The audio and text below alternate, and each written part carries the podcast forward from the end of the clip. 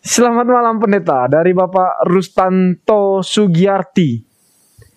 Selamat malam Pastor Sabuin, mau tanya Wahyu 3 ayat 21 apa artinya?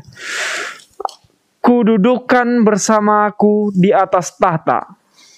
Kita baca Wahyu 3 ayat yang ke-21.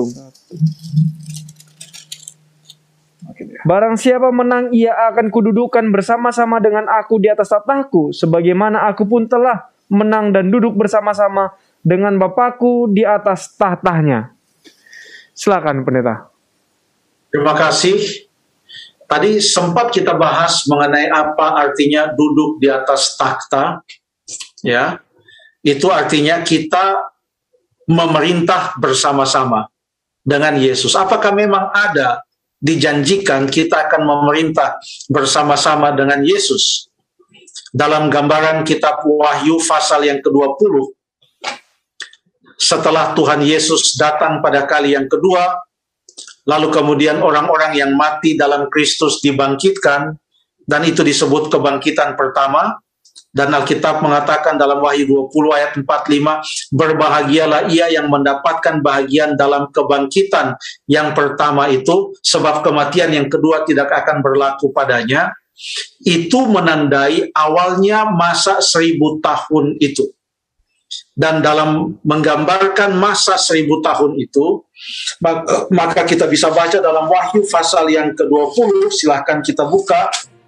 Wahyu pasal yang ke-20, kita baca ayat yang ke Oke. Okay. Ayat yang ke lima dan ayat yang ke enam. Tetapi dibaca. Tetapi orang-orang mati yang lain tidak bangkit sebelum berakhir masa yang seribu tahun itu. Inilah kebangkitan pertama berbahagialah dan kuduslah ia yang mendapatkan bagian dari kebangkitan pertama itu. Kematian yang kedua tidak berkuasa lagi atas mereka, tetapi mereka akan menjadi imam-imam Allah dan Kristus, dan mereka akan memerintah sebagai raja bersama-sama dengan dia seribu tahun lamanya. Terima kasih. Ini adalah kegenapan dari apa yang dijanjikan oleh Tuhan Yesus. Barang siapa yang menang, ia akan kedudukan bersama-sama aku di atas takhtaku. Dan ini akan berlaku bagi mereka yang menang, di mana mereka akan memerintah sebagai raja bersama-sama dengan dia, bersama-sama dengan Kristus, seribu tahun lamanya. Jadi tidak panjang jawabannya kali ini. Terima kasih.